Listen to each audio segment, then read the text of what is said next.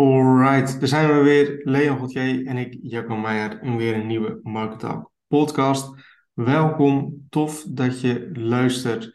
En ja, dit keer gaan we het hebben over een wat, ja, zou ik zeggen, wat meer technisch, ja, niet direct technisch, maar ja, wel een, een, een wat meer inhoudelijk iets op het gebied van affiliate marketing. En dat is, hoe kom je aan onderwerpen voor je blog? Of in ieder geval, hoe blijf je eigenlijk constant ja, nieuwe onderwerpen verzinnen voor je website, voor je blog. En daar gaan we het dus uh, deze keer over hebben. We krijgen hier zo eigenlijk best wel wat vragen over. Ja, ook in uh, ISG, in Discord, op het ledengedeelte, in K-club. En uh, ja, leek ons dus leuk om, om het hier zo over te gaan hebben. Om dus ja, jullie zo goed mogelijk hier zo advies in te kunnen geven. Dus ja, welkom Leon. Jij mag hem weer aftrappen. Ja, mag ik hem aftrappen? Ik denk het wel. Oké, oké. Nee, uh, leuk onderwerp inderdaad. Uh, veel mensen die beginnen, die kiezen een onderwerp dat misschien niet per se direct bij hun, heel dicht bij hun ligt. Dus dan is het sowieso al lastiger om te bedenken uh, waar je over moet schrijven. Stel dat je een onderwerp kiest waar jij heel veel van weet, dan zou het kunnen betekenen dat je ook al automatisch meer op de hoogte bent van ontwikkelingen die er spelen ik vind altijd wel een mooi voorbeeld. Een van de eerste websites die jij bent begonnen over die iPhone. Ik weet dat jij best wel een beetje tech-savvy was in die tijd. Ja, op het moment dat er een iOS-update kwam, of nog groter, een nieuwe iPhone, dan ben je daar zelf ook een beetje hyped op. Dus tuurlijk heb je zin om daarover te gaan schrijven. Dat maakt het dan vrij makkelijk voor jezelf. Ik denk dat dat in beginselen al, uh, al heel veel kan schelen, zeg maar. Op het moment dat je schrijft vanuit ja, een onderwerp dat gewoon heel dichtbij je staat. Of in ieder geval waar je wel heel veel van af weet. Waar je heel veel mee in aanmerking komt. Omdat je um, ja, al het nieuws daarvan voorbij ziet komen. Ja, dan is voor jezelf een stuk makkelijker om ergens over te gaan schrijven. Als je iets uh, zelf hartstikke tof vindt, ja, dan hou je zelf waarschijnlijk ook dat nieuws een beetje in de gaten. Weet je zelf ook een beetje wat er speelt in die markt.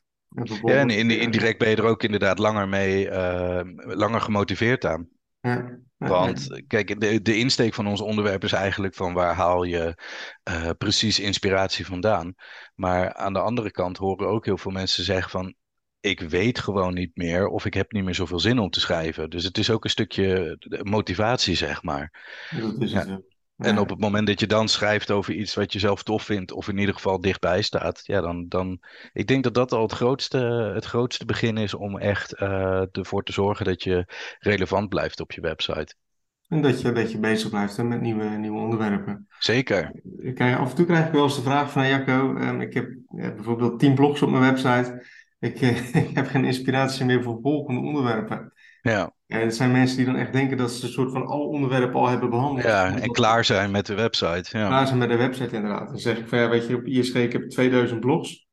Uh, kom maar weer eens bij me als je, als je ook 2000 blogs hebt op je website. Want er is echt over elk onderwerp, um, vrijwel elk onderwerp is, is er gewoon echt wel genoeg om uh, te vertellen. En dat begint inderdaad, zeker met de eerste website, zeg ik altijd, kies echt een website of kies een niche waar je gewoon zelf wat interesse in hebt. Um, op die manier ja, vind je het gewoon veel makkelijker, ga je het veel makkelijker vinden om gewoon zelf, zonder dat je eigenlijk een soort van onderzoek doet, uh, om gewoon naar nieuwe onderwerpen te gaan komen. Ja, en ik denk dat ook heel veel mensen, kijk, eh, zoekwoordonderzoek is een best wel uitgebreid iets. Dat is niet iets wat je zomaar even doet, daar moet je wel een beetje in, in oefenen. Maar het, het gaat veel verder dan um, hoe verdien ik geld op het internet? Mensen zien dat als één onderwerp, daar heb je iets over geschreven en dan is het klaar. Maar als je dat zou uitspecificeren naar ja, wat meer longtail uh, keywords bijvoorbeeld, dan ga je zoveel meer artikelen kunnen schrijven dan alleen maar dat. Hetzelfde als um, hoe ga ik afvallen? Mensen zien dat als één, één blog-item, maar ja, moet je zien wat je zou kunnen schrijven op het moment dat je gaat onderzoeken uh, waar er specifiek naar wordt gezocht door mensen. Dan, dan besef je ook wel dat je inderdaad voorlopig nog niet klaar bent. Nee, als het goed is niet. En um, het is inderdaad wat je zegt, nee, je hebt één, één, hoofdonderwerp. Vervolgens ga je, ga je dat veel breder trekken. Um, heel veel mensen die snappen dat niet, zeg maar. Die blijven inderdaad gewoon echt schrijven over hoe kan ik afvallen. En dan bijvoorbeeld nog een onderwerp, hoe kan ik snel afvallen als het ware. Maar veel beter is dan om ja, veel specifieker te gaan en te gaan zitten, hoe kan ik afvallen met hardlopen. Eh, hoe kan ik afvallen met, uh, met zwemmen? Enzovoorts enzovoorts. En ja, er zijn zoveel manieren. En ik weet niet of deze podcast misschien wel het juiste middel is, zeg maar, om uh, echt te gaan uitleggen van hoe je aan al die zoekwoorden kan komen. We hebben best wel dingen. Dus ten eerste je eigen verstand. Ten tweede goed kijken bij de concurrentie. Vaak hebben hun het werk al voor je gedaan. Ten derde ja, zijn er natuurlijk gewoon heel veel tools voor die je daar zo mee kunnen helpen. Ja, ik denk ook dat ik zit net even over te denken. Wat ik ook wel eens vaak zie, is dat mensen dan zeggen van ik wil mijn website gaan ranken binnen Google. En dat is dan vaak mijn, mijn andere tak van werk, dat ik websites bouw. In beginselen zeggen die mensen, ik wil gewoon een simpele website waar mijn gegevens op staan, wat ik wil gevonden worden. Ja, prima. Als jij inderdaad een soort van online visitekaartje wil, uh, of bewijzen van op het moment dat jij een visitekaartje uitdeelt aan iemand waar het website-naam op staat, als ze daar naartoe gaan dat ze jouw gegevens zien. Ja, ik kan me voorstellen dat in sommige situaties dat inderdaad voldoende is. Hmm. Maar ik denk dat in 90% van de gevallen ik altijd wel dat mailtje of dat belletje krijg van ja, hoe gaan we er nou voor zorgen dat die website ook gevonden gaat worden op Google? Ja, op het moment dat, jij alleen je naam erop hebt staan en, mhm. en alleen je e-mailadres, dan ga je inderdaad niet gevonden worden. Dan zou je moeten gaan, moeten gaan schrijven. En een nieuwspagina is dan een hele mooie manier om, uh, om relevante berichten te delen over jouw website. En dan merk je ook vaak al dat mensen zoiets hebben van. Ja, maar als ik er zelf zoveel voor moet gaan doen, dan, uh, dan hoeft het ook niet per se zo nodig, zeg maar. Dan, dan proberen we het wel op een andere manier. En wat ik daarmee aan wil haken is dat dus heel veel zie je dat mensen niet echt de tijd willen nemen om uh, ook op een afstandje eens te kijken naar je website en te zien in welke stappen van het proces je precies zit en gewoon eens eventjes uh, wat dingen gaat noteren. Um, terwijl het super interessant kan zijn om gewoon eens uh, à la basisschool, middelbare school een A4'tje erbij te pakken en zo'n zo'n web gaat maken dat je inderdaad dan je hoofdonderwerp pakt. Of dat nou elektronica, domotica, iPhones, afvallen, whatever is. Zet dat woord in het midden en ga eens kijken wat je daarover kan bedenken. En ook op het moment dat je out of the box gaat denken, wat voor termen komen er dan naar boven? Al die termen die je op papier hebt staan, dan kan je weer nieuwe inspiratie uithalen. En ik denk dat het ook heel motiverend is op het moment dat je nou, zoiets als wat ik nu benoem, dat kan je in een uur doen.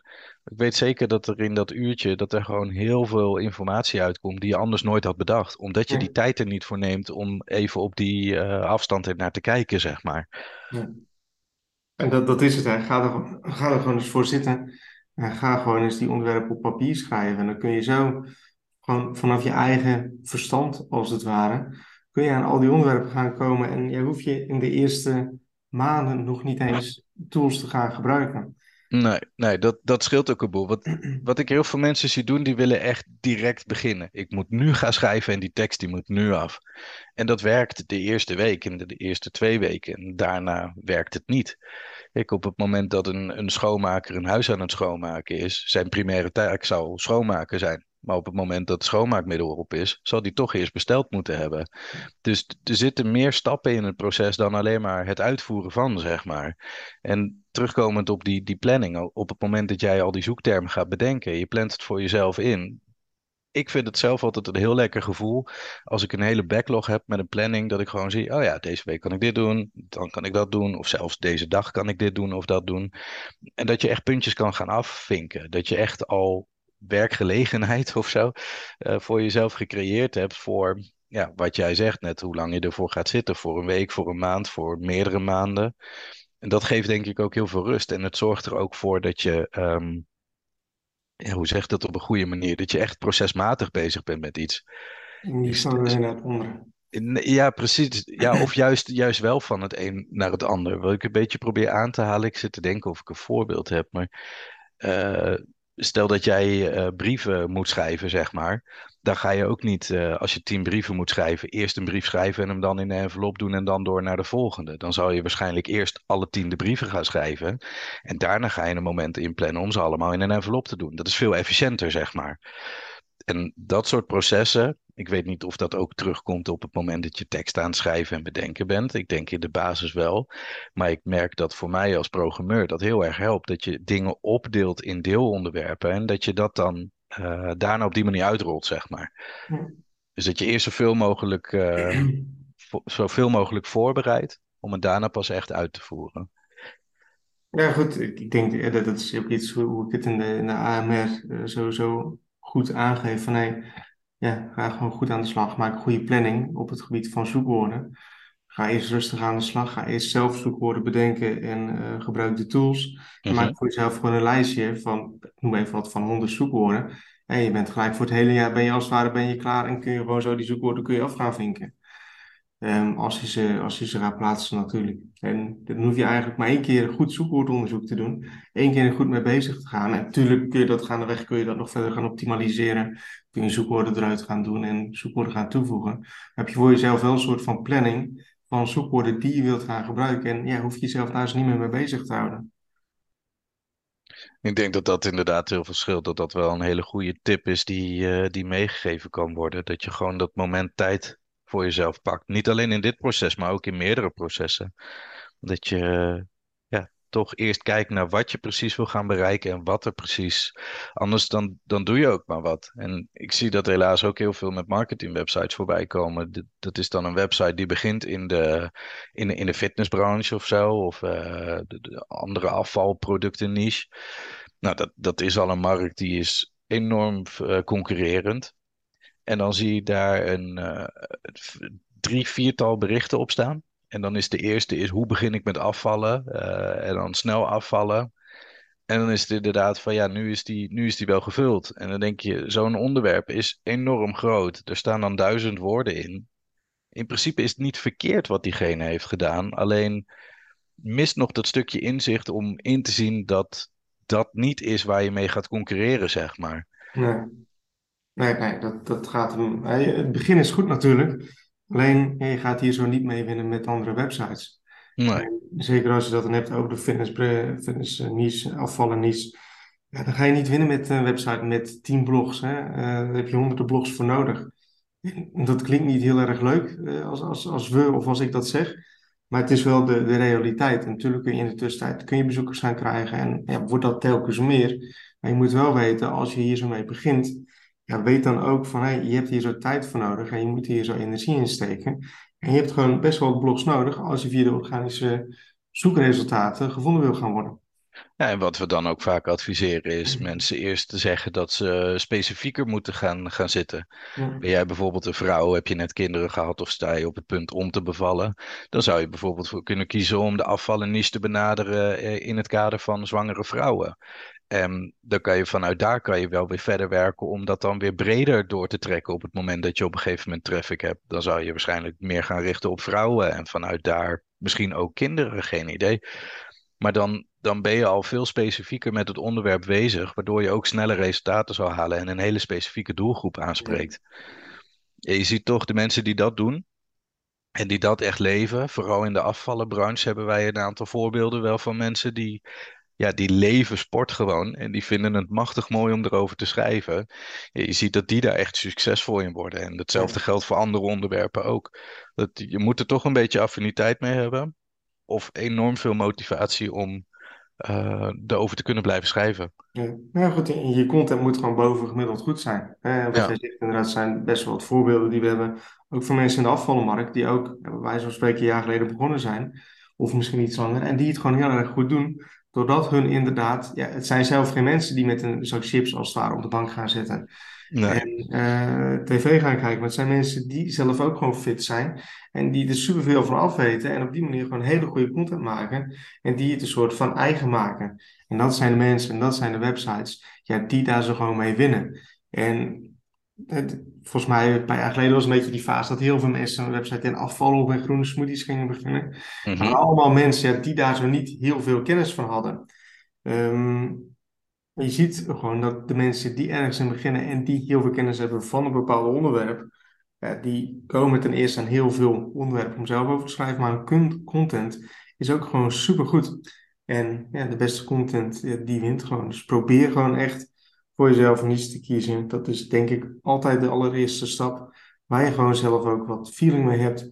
En ehm, pardon, waar je zelf ook over kan gaan schrijven. Ik denk ook dat bijna elke niche wel ehm, een affiliate programma heeft. Zeker nu in de laatste AMR dat niet alleen maar meer volledig gericht zijn op PayPro, maar dat mensen ook wel op de hoogte zijn van ja, de grotere netwerken van meer fysieke producten en diensten Ja. ook. Eh, ik denk dat dat enorm veel scheelt. We hadden, hoeveel jaar geleden is dat met die workshop? Iemand die had een, eh, een, een website in, in strijkkralen, zeg maar. En die maakte dan zelf daar eh, ontwerpen van.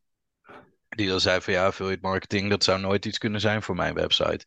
Dat wij het een beetje aan het uithoren waren van ja, hoeveel bezoekers heb je dan? Dat we elkaar echt aankeken van wat?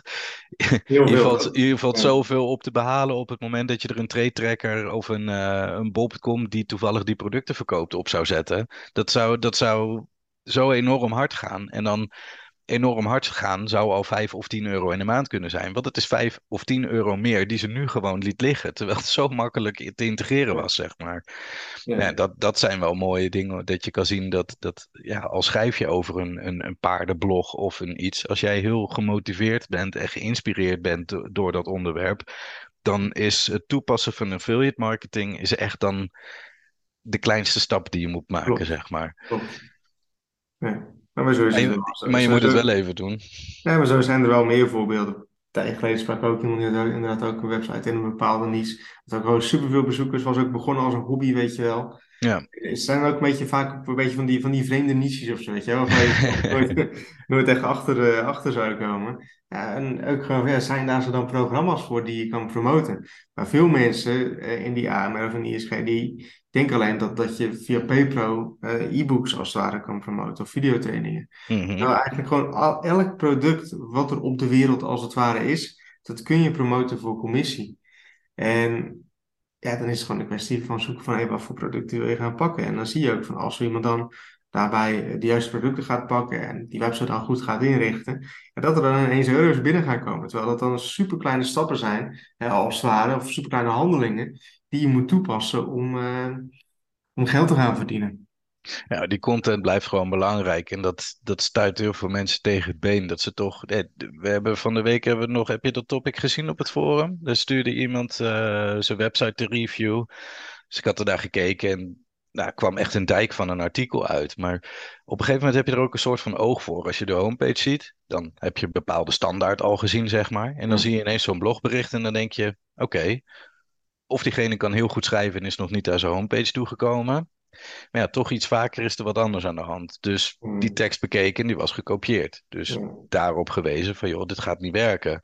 En toen was de reactie van, ja, maar weet je hoeveel werk het is om zelf teksten te gaan schrijven? En ik, ja, dat snap ik wel. Alleen het kopiëren en plakken van, van iemand anders' tekst, dat, ja, dat gaat ook niet werken. Dus, dus Ja. waarom, ja, de, de, mensen zijn ook geneigd om voor het snelle resultaat te gaan en onderschatten hoeveel ja, werk het echt is om, om wel die content te gaan bouwen of te gaan uitbesteden. Maar ja, dan, dan betaal je ook natuurlijk, ja. Dus Ja. ja, het, het kost nou eenmaal gewoon tijd om dat eerste proces eh, op te zetten. Je zal eerst echt wel de enige nodige content nodig hebben. En nou, de, de- om nog aan te sluiten op dat vorige, hoeveel voorbeelden je wel niet ziet van mensen die zeggen: Ik ben afgemeld bij, Bo- bij bol.com of afgewezen bij bol.com. Hoe kan dat nou? Dat als je dan zegt van je moet eerst 10 of 15 berichten erop hebben staan die noemenswaardig zijn voordat je wordt toegelaten, dat mensen dat echt zien als een hele grote horde. Terwijl ik denk, op het moment dat je er 15 berichten op hebt staan, je hebt nog nagenoeg geen bezoekers, dus je bent nog steeds echt wel op tijd genoeg om die affiliate marketing dan pas toe te gaan passen. Hmm. Dat is, dat is echt geen probleem. Maar ik denk dat het een deel eh, misschien ook, ehm, hoe noem je dat nou? Dat mensen zo gemotiveerd zijn dat ze resultaten willen behalen, zeg maar. Mhm. Ehm, dat, het, dat het jezelf een beetje in de weg zit. Dat ze te enthousiast zijn, dat woord zocht ik. Te enthousiast. Ja, dat ze vanuit enthousiasme, dat ze gewoon Ja. eh, verwachten dat er snel resultaten komen als je maar snel aan de, aan, aan de slag gaat. Maar dat, ja, dat hoeft niet altijd zo te zijn natuurlijk. Nee, maar vaak is natuurlijk die, die super enthousiasme, dat moment is vaak de eerste paar dagen. En Als, ze dan, als ze dan zien dat ze daadwerkelijk eh, blogs moeten schrijven of wat dan ook, dan ehm zakt dat enthousiasme zakt vaak weer weg. Ja. Dat is een Ja. deprimerende... Deprimerende afsluiting. Nee, ik, zit, ik, ik denk dat we inderdaad wel redelijk richting het einde zitten. Maar wat we hier wel uit kunnen halen is denk ik dat het heel belangrijk is dat je realistisch bent in dat, eh, en dat zeggen we wel vaker, affiliate marketing is een heel mooi iets. En het is een verdienmodel waar je enorm veel eh, kansen liggen en waar enorm veel te verdienen valt. Ehm, maar het blijft gewoon werken. In bepaalde dingen. Het, het is niet zo dat het allemaal zomaar komt aanwaaien. Je moet er echt iets voor doen. En vooral dat stukje content, ja, stukje content, dat stuk content, dat is gewoon het allerbelangrijkste.